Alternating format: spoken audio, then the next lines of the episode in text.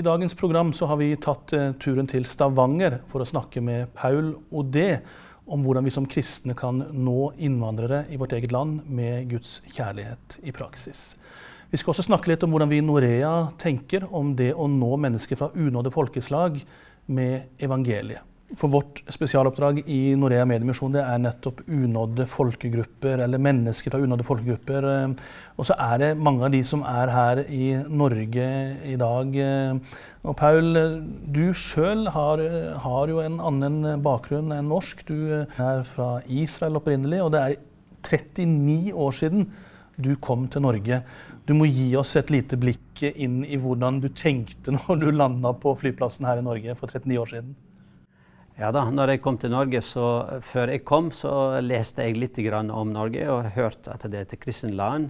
Og, og, hadde jeg forventning at, eh, og trodd at når jeg kommer til Norge, de vil, vil ønske meg velkommen i Jesu navn på flyplassen. Og hvis jeg går på bussen, ønsker meg velkommen i Jesu navn. Eh, men jeg fant ut eh, etter en stund da, at, at det er ikke sånn. Eh, det var ikke mange innvandrere på den tida. Det er 75 000 innvandrere totalt i hele Norge. Og flesteparten av dem var fra oljefolk som bodde i, i Norge. Du kom jo hit egentlig for å utdanne deg til å bli misjonær, gå på bibelskole. Og så skulle du sendes eh, ut igjen, eller hjem igjen til Midtøsten og, og være misjonær der. Eh, hva var det som skjedde? Ja, det var det som var avtalen, og det var det jeg trodde var Guds vilje. Eh, og etter å ha gått ett år her i Norge, så kom jeg eh, i gang Eller eh, jeg var blitt involvert inn i det internasjonale arbeidet, IKF. Og da gikk jeg et år til på bibelskolen, og da blitt mer aktiv der. Og etterpå misjonen spurte meg om jeg kunne bli her. Og i den perioden traff jeg min kone, Margit. Eh, og det var avtalen at vi skal reise som misjonærer til Midtøsten. Eh, og nå har det gått 39 år. Og, og, oppgavene blir bare større og større her i Norge. Mm. Vi skal snakke litt mer om det litt senere, om hva, om hva, du står i akkurat nå. Men jeg har lyst til at vi skal ta en liten tur tilbake til Israel, til Galilea. Og da eh, skulle man tro at man skulle snakke om Jesus, men vi skal snakke om din barndom, for det er der du er vokst opp. Mm, og så har jeg snakka litt med folk som, som, kjenner deg, og de sier at du er en typisk evangelistperson. Og det begynte tidlig, har jeg forstått. Du har fortalt meg at du allerede som 13-åring mm. så reiste du til nabolandsbyene som var muslimske landsbyer i Israel for å forkynne og fortelle om Jesus. Mm. Det var vekkelse i den tida der. To års vekkelse. Eh, og da var det liksom at, at vi, vi brente for Jesus. Og så vokse opp med muslimer og drusere og nominelle kristne og jøder i, i, nabolaget, og visste at Jesus er veien og sannhet og livet. Så det, det, det skjedde noe brann inn livet mitt, inni hjertet mitt, at jeg så alle de som rundt meg går fortapt. Og det er derfor jeg følte liksom jeg måtte bringe evangeliet. Eh, jeg eh, hadde ikke noe mye å bidra med, men jeg hadde litteratur. Jeg gikk med og delte Guds ord. Delte litteratur til dem. Og som 16-åring så fortalte du meg at du hadde en drøm mm. som du den gangen ikke forsto noen ting av. Eh, men som du i dag kan kanskje forstå på en helt annen måte. Ja.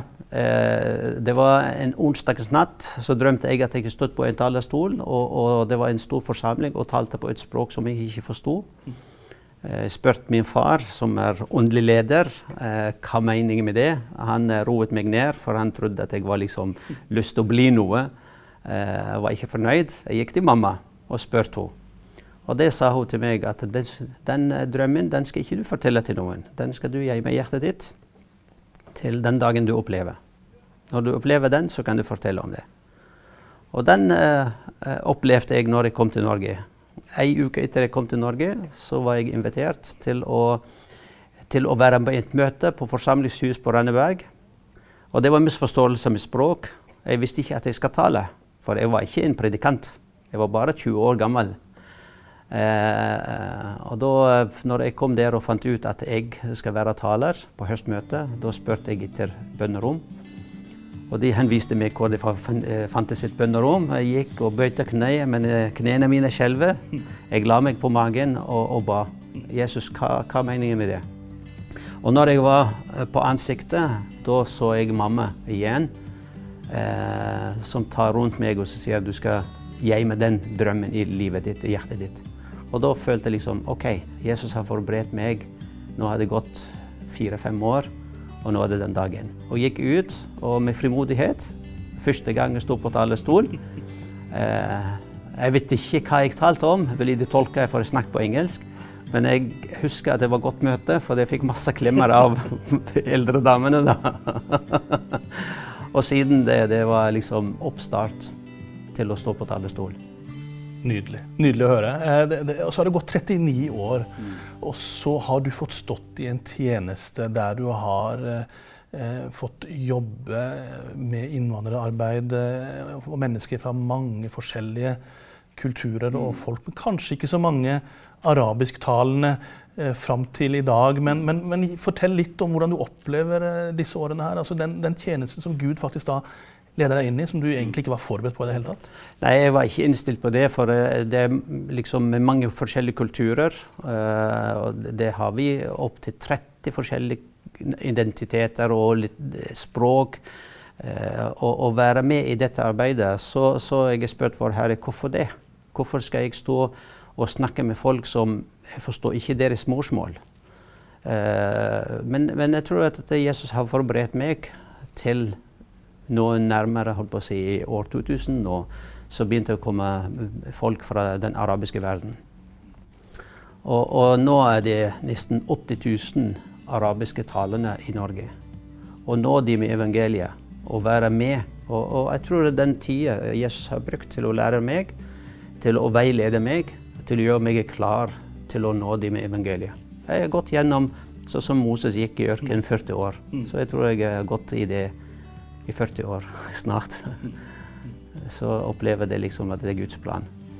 Det er sterkt å høre det her, også fordi at vi i Norea nå har da eh, i de siste par årene jobba tettere med dere i IKF rundt dette prosjektet som vi kaller for Good News, som eh, nettopp dreier seg om å bruke teknologien også for å nå disse unådde folkegruppene. Og som du sier, at det nå begynner å åpne seg noen dører, ikke minst i forhold til arabisktalende, men vi har også en del andre språk. Som en eh, misjonsorganisasjon som eh, ønsker å ta media på alvor til å nå unådde folkegrupper, så er dette også en situasjon som eh, vi har tatt på alvor i Norea. Bare se her. I global målestokk er Norge et lite land. Likevel kan vi i dag si at den lille nasjonen vår bokstavelig talt rommer hele verden. Flere av de som har flyttet til Norge, hører til såkalte unådde folkegrupper, der navnet Jesus er mer eller mindre helt ukjent. Dette utfordrer oss som kristne. Derfor har vi utviklet appen Good News Media, et verktøy du kan bruke i møte med våre nye landsmenn. Vi har foreløpig valgt å satse på noen av de største språkgruppene blant unådde folkegrupper i Norge, arabisk, farsi og somali. I Good News-appen har vi samlet en rekke lyd- og videoressurser på deres eget språk. Grunnleggende innføring i Guds ord, kvinneprogrammer, barneprogrammer, kulturressurser og mye mer. Gjennom å dele appen med mennesker du treffer, gir du dem tilgang til en ressursbank på sitt eget hjertespråk. I Good News-appen har vi også laget en egen medvandrerfunksjon. Den er ment for deg som er kristen, og som ønsker å få tips og hjelp til å være en god medvandrer for dine innvandrervenner.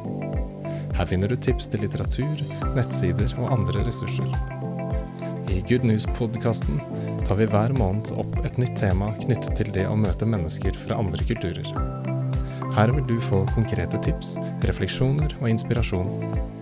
Velkommen til å være med i et stadig voksende team av Good News-medvandrere vi gleder oss til å se hvordan Gud vil ta i bruk denne nye appen til å nå ut de unådde i vår egen nasjon.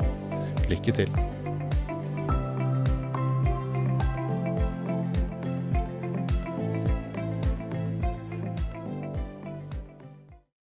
Hva tenker du om mulighetene som ligger i den teknologien og dette prosjektet som vi da samarbeider om, eh, som heter Good News Media? Jeg syns det er veldig flott at vi kan uh, få med mange forskjellige språk i, i, i den Good News-appen. Folk har mulighet til å se på den, på tross av at det finnes veldig mye ut på markedet. Det finnes mange forskjellige muligheter, tusenvis. Men her er det systematisert At folk kan få en del opplysninger. De kan få høre Guds ord, de kan få sang. Og hvis de ikke gjør ferdig den talen, så kan de sitte den på pause eller komme igjen. Så slipper de å lete. Det er akkurat som det er en liten bibliotek istedenfor å gå ut i den store verden og lete. Konsentrert og veldig flott. Eh, hva betyr det, tenker du, å, dette med å få Guds ord på sitt eget språk? Altså Spesielt kanskje når man er et fremmed land der mange ting eh, er vanskelig og krevende osv. Du har jo erfart litt av dette her sjøl. Mm, mm. Kan du si at folk har sin religion, og de har fått det med morsmålet. Og, og, når de kommer til, til, et nytt land med et nytt språk, de, de, kommer ikke til å forstå alt på en gang. Kanskje neste generasjon, andre og tredje generasjon begynner å forstå den åndelige delen av, av språket. For det, det, får vi ikke, den åndelige delen av språket det får vi ikke ut på skoler. Ikke arbeidsplasser, ikke i gata. Men det får vi i menigheten. Og hvis de ikke er i menighet, og hvis de ikke er sammen med de kristne, så er det veldig vanskelig å forstå det. Og Derfor er det veldig viktig, dersom det er mulighet til det, at de får det på morsmålet. For da når de hjertet, og ikke bare hodet. Hva tenker du da om, om de som, som, kanskje på en måte ønsker å vitne for sine innvandrervenner, men ikke verken har språket helt eller kanskje føler seg helt trygge på det? Hva tenker du at et sånt verktøy som en app kan, kan bety for, for, for, kristne nordmenn da, som skal eh, dele evangeliet, dele Guds kjærlighet med mennesker rundt seg, som, mm. som snakker disse språkene? Ja, vi er et redskap i Guds hånd.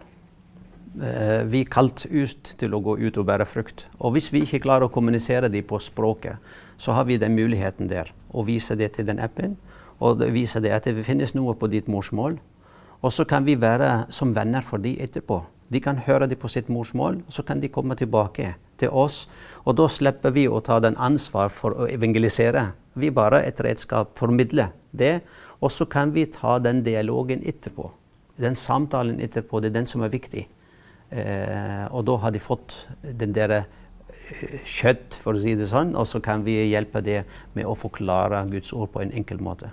Teknologi uten mennesker er meningsløst, og det vil alltid være viktigst å bygge relasjoner og vennskap. og Derfor sier vi også at eh, den gode samtalen begynner med vennskap. Nå skal du få møte Anne Gro Holte, som har vært en stor inspirasjon for oss. Hun er en av de som har tatt dette kallet om å møte innvandrere og være noe, en venn for innvandrere på alvor. Og hun har også tatt i bruk Good News Media-appen. Se her hva hun forteller. Ja, hva koster den? Mange med meg syns kanskje det er utfordrende av og til dette med å få kontakt med våre nye landsmenn og dele evangeliet med dem. Gjennom denne Good News-appen der har jeg fått ny frimodighet, for da får jeg høre historier til andre som har lykkes og ikke lykkes i dette med å få kontakt med våre nye landsmenn. Og jeg tenker at uh, den kan hjelpe alle og uh, gi ny frimodighet i tjenesten.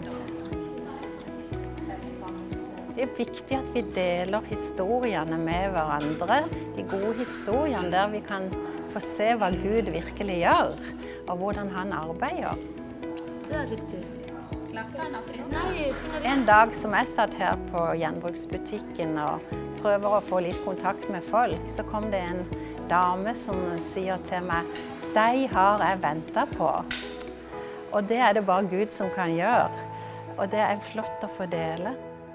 Det hun ville si, var at når hun var liten, så eh, fikk hun høre en nabo med en som het Jesus. Og det gjorde noe med henne. Sånn at eh, hun ville ha Jesus i hjertet. Men hun bor i en streng muslimsk familie, mannen er imam, så det er ikke lett for henne å være tydelig kristen. Men da kunne vi bruke denne appen, og jeg kunne vise henne det arabiske stoffet som er på den, og bruke det som utgangspunkt for videre samtaler. Og det har gitt meg veldig mye, det å få være sammen med forskjellige folk fra alle land, egentlig. Tenker at vi har mye å tilføre hverandre. Vi, har, eh, vi, er veldig like egentlig. Om vi går med hijab eller ikke, så har vi ofte de samme verdier. Vi er glad i barna våre, og vi har noen av de samme behovene. Og det har gitt meg veldig mye, dette å få nye, gode venner fra mange forskjellige land. Det er virkelig berikende, så det kan anbefales.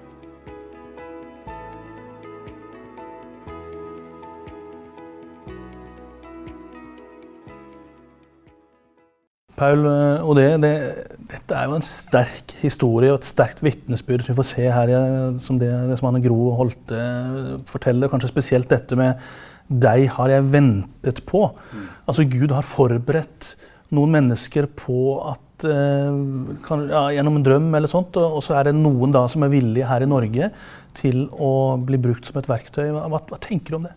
Det er sånn eh, Den hellige ånd virker. Det er, det er, det er ikke vårt ansvar og oppgave med å overbevise folk. Det er Den hellige ånd som gjør. Men vårt ansvar det er å være redskap. At vi kan bli brukt som et redskap i Guds hånd. Og, og, det er det som må være, må være, villig til å si ja når Gud kaller oss til det. Og der, der opplever vi at det, det, var klart, men det var hun som kom og kom med det budskapet der, eller viste til den appen der. Det er fantastisk. Ja, og det, det, viser kanskje noe om at vi må være villige som kristne til å ta det steget kanskje litt ut forbi komfortsonen. Eh, vi har vel lett for å sitte i sofaen eller finne unnskyldninger osv., men, men her eh, kan vi egentlig alle brukes. Ola Nordmann er veldig varm på innsida. Det ser veldig kaldt på utsida, men, men det på innsida er veldig varme. Det, jeg tror det er, det er, mange som har mye å gi. Og det er det som av og til opplever. Det, det er mange som tror at, at, jeg orker ikke å hjelpe, jeg orker ikke å gi mer. Men du skal ikke gi mer. Du skal være deg sjøl. Og, og, og, være onkel og være tante og være besteforeldre. Eh, det er alle kan. Alle kan gjøre det. For det er mange av de som har kommet her. Jeg er en av de når jeg kom til Norge. Jeg hadde folk som var ansatt i misjon og misjonsvenner, som var som min far og min mor. Min onkel og min tante. Og det, er i dag som passer jeg på de som er, som er i livet ennå. De fleste er hjemme hos Herren. Men jeg er med inn i den prosessen, og de har vært som en onkler og tanter til barna våre. Vi må ha på en måte den der åpenhet, at vi kan få være noe for noen. Og det alle kan. Invitere de hjem til seg, invitere de på hytta, invitere de, eller at de kan komme hjem til deg, eller du kan gå til dem, sånn at det blir vennskap. Du må dele en historie med oss også, for du, dette er jo ting som du sikkert har opplevd mye av i forhold til akkurat den type ledelse. At uh, Gud har på en måte forberedt mennesker både på den ene og den andre enden, for å si det sånn, både mottaker og, og budbringer. Mm. Kan du dele en sånn historie med oss? Det er ei dame som fortalte historien sin til meg. da. Uh, og Hun var en veldig streng muslim og, og var på en asylattak her i Rogaland. Og Hun lette etter sannheten og ba og faste. Og En natt så, så satte hun en betingelse til Gud. Hvis du er en levende Gud, så må du vise deg for meg. Og I løpet av natta så drømte hun. Drømte at Jesus kom til henne, og så sa han at, at han er veien og sannhet og livet. Og i morgen så skal du få en person, og, han, og hun så den personen i drømmen. Han kommer med en bok. Det er evangeliet, en gil. Og det er det som du skal få lese. Og i samme tidspunkt når hun drømmer om det, den andre personen som er fra Midtøsten, drømmer samme drøm, men han ser henne i sin drøm. Og Jesus kommer til ham og sier at du skal ta din Nytestament og gå til den plassen og gi den til henne klokka tolv. Han var kristen, han var en asylsøker. Også dagen etterpå, når han våknet, skal jeg våge å gå? Han stolte på Herren og gikk og banket på døra, for han så døra der i drømmen. Så når hun løste opp døra, så sier hun til han, 'Har du den boka?'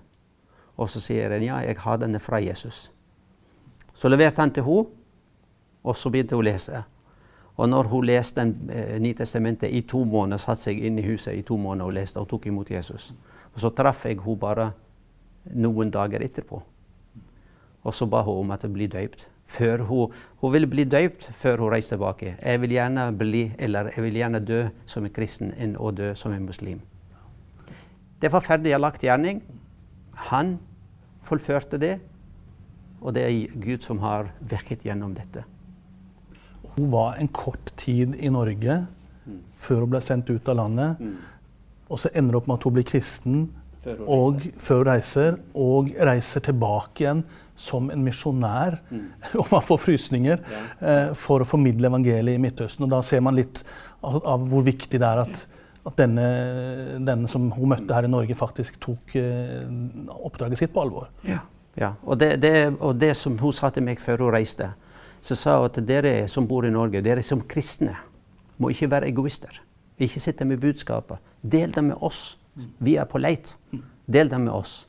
Og det, det fikk jeg veldig vondt av å høre, at vi er egoister. Er vi det? Sitter vi med budskapet? Sitter vi med hele sannheten? Og så er vi, har masse unnskyldninger til å ikke dele det med andre.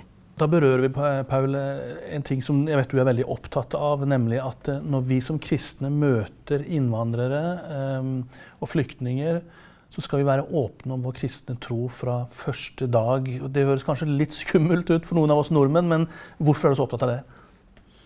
Eh, de fleste parten av folk som kommer fra Midtøsten og fra den muslimske verden, eh, de har eh, Deres identitet ligger i regionen. Religionen og troen deres er en del av deres identitet. Og når de presenterer seg, så presenterer de, de hvilken religion de hører til. For det er deres identitet. Men, men for oss i Vesten så, så, er det liksom religionen, eh, våre tro, det er en privat sak. Da snakker vi ikke om den før vi er blitt veldig godt kjent med den personen der. Og, og for de kan bli misforstått. For da føler de at eh, din tro er ikke så viktig for deg. Det er derfor du snakker ikke om den. For å, for å koble det til på en måte at de forstår at troen er veldig viktig, da må vi presentere oss med en gang og fortelle hva vi tror på. Hva vi egentlig er, eh, Ja, at troen er viktig for oss. Det har jeg erfaring med sjøl. Når jeg presenterer meg, så presenterer jeg at jeg er kristen. Nesten før jeg sier navnet mitt.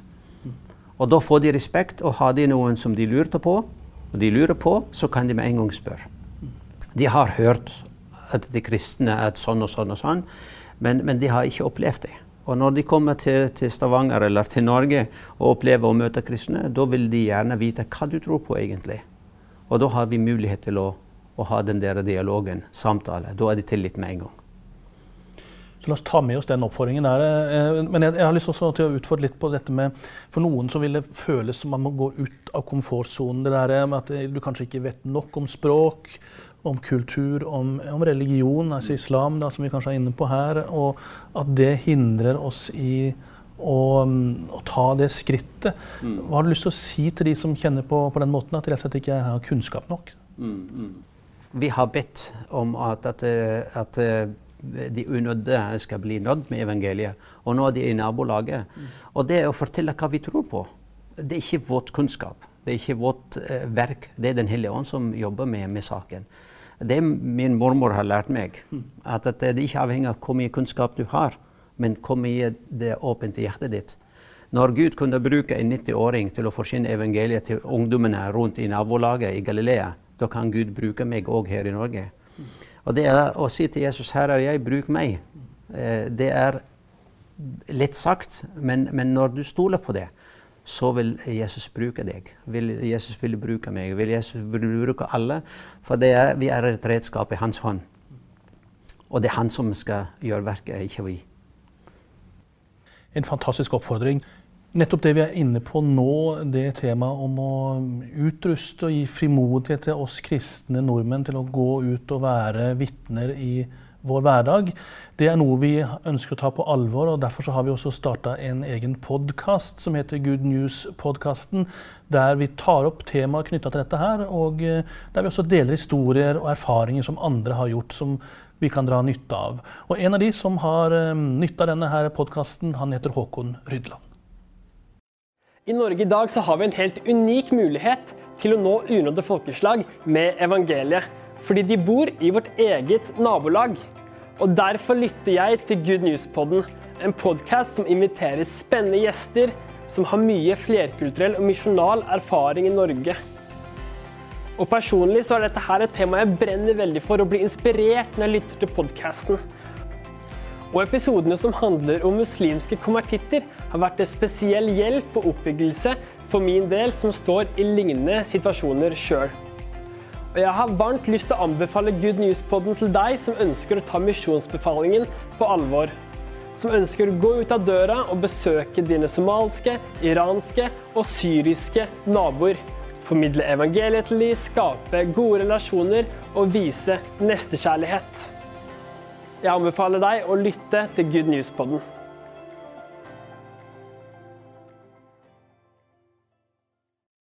Og Og en av de som eh, har vært med i podkasten, og som helt sikkert vil være med igjen i nye episoder, det er deg, Paul. Og eh, jeg har lyst til å takke deg eh, for at du var villig til å være med i programmet vårt og dele dine tanker. Og så har jeg lyst til å utfordre deg helt til slutt. Du som er arabisk og arabisktalende, og som kom til Norge for 39 år siden med et kall om å nå arabisktalende med evangeliet, som opplevde kanskje at det gikk nesten 40 år, som du sier, i ørkenen. Eh, og du ikke så de store dørene åpna overfor arabisktalende i Norge. Nå ser du noe helt annet. Dører åpnes. 80 000 arabisktalende i Norge. Syria-situasjonen naturligvis eh, betydningsfull i forhold til det. Jeg har lyst til å utfordre helt til slutt. Hva ser du i de neste årene? Hvordan ser det ut? Hva gjør Gud? Hva tror du Gud vil gjøre i de arabisktalende miljøene i Norge i forhold til kristen tro? Jeg tror at Vesten og de kristne land har bedt i mange, mange år at, at Gud kan åpne dørene til at de kan reise til muslimske verden og forsyne evangeliet. Ikke for å forandre folk sin religion, men bare for å peke på den rette veien til himmelen. Og nå har Gud svart på uh, våre bønner, og nå har han sendt den til, det, til, oss. Og nå er det lettere å nå dem med evangeliet. Og jeg vet om det er nesten de fleste som jeg har snakket med, at de er på leit etter sannheten. For de har hørt fra sin egen religion. Det er ikke noe å kritisere islam og ikke kritisere muslimer. Men, men det, er, det, er, ingen håp for å bli frelst i den religionen der. Og de er på leit. De er nidkjære, de leter etter sannheten. Og har vi anledning og mulighet til å forkynne evangeliet? De er åpne. De er villige til å høre. Og det tror jeg at det er hvis vi som er kristne og har fått kall, åpner oss og sier til Jesus her er jeg, bruk meg, så vil Jesus bruke oss. Og det vil bli flere og flere som har tatt imot, tar imot Jesus, og flere og flere som velger å tro på Jesus. Og det ser jeg på i framtida, at det blir kanskje misjonærer som av de som har tatt imot Jesus her, er villige til å reise tilbake til Midtøsten og være misjonærer for å dele med det som de har opplevd. De har funnet veien og sannhet og livet. Og det er Jesus et fantastisk perspektiv som eh, vi også tar med oss eh, videre. Takk skal du ha, Paul Odé. Det som er eh, vårt budskap til deg som har sett på eller hørt på oss i dag, det er at du kan være med å åpne himmeldøra for mennesker fra unådde folkegrupper som bor her i Norge, ja kanskje som bor i ditt eget nabolag. Du kan være med gjennom å be, du kan være med gjennom å gi et smil eller gjennom å si et hei. Gjennom kanskje å åpne hjemmet ditt, be de med på bedehus eller i kirke. Bygge relasjoner, bygge vennskap. Og så kan det være starten på at noen får et møte med Jesus. Og om du er litt usikker på hvordan du skal begynne, så har jeg lyst til å tipse deg igjen om at du kan lytte til denne podkasten som vi kaller for Good News Media, som du kan lytte til på de ulike plattformene der du lytter til podkaster, f.eks. Spotify. Og om du da ønsker å dele videoressurser, lydressurser eller musikkvideoer, musikk f.eks., med venner fra disse språkgruppene, så vil vi oppfordre deg til å laste ned appen Good News Media. Du finner den både på iPhone og på Android. Og det er altså språkene arabisk, farsi og somali. Og så har jeg helt til slutt lyst til å ønske deg Guds rike velsignelse over det kallet som han har gitt til deg.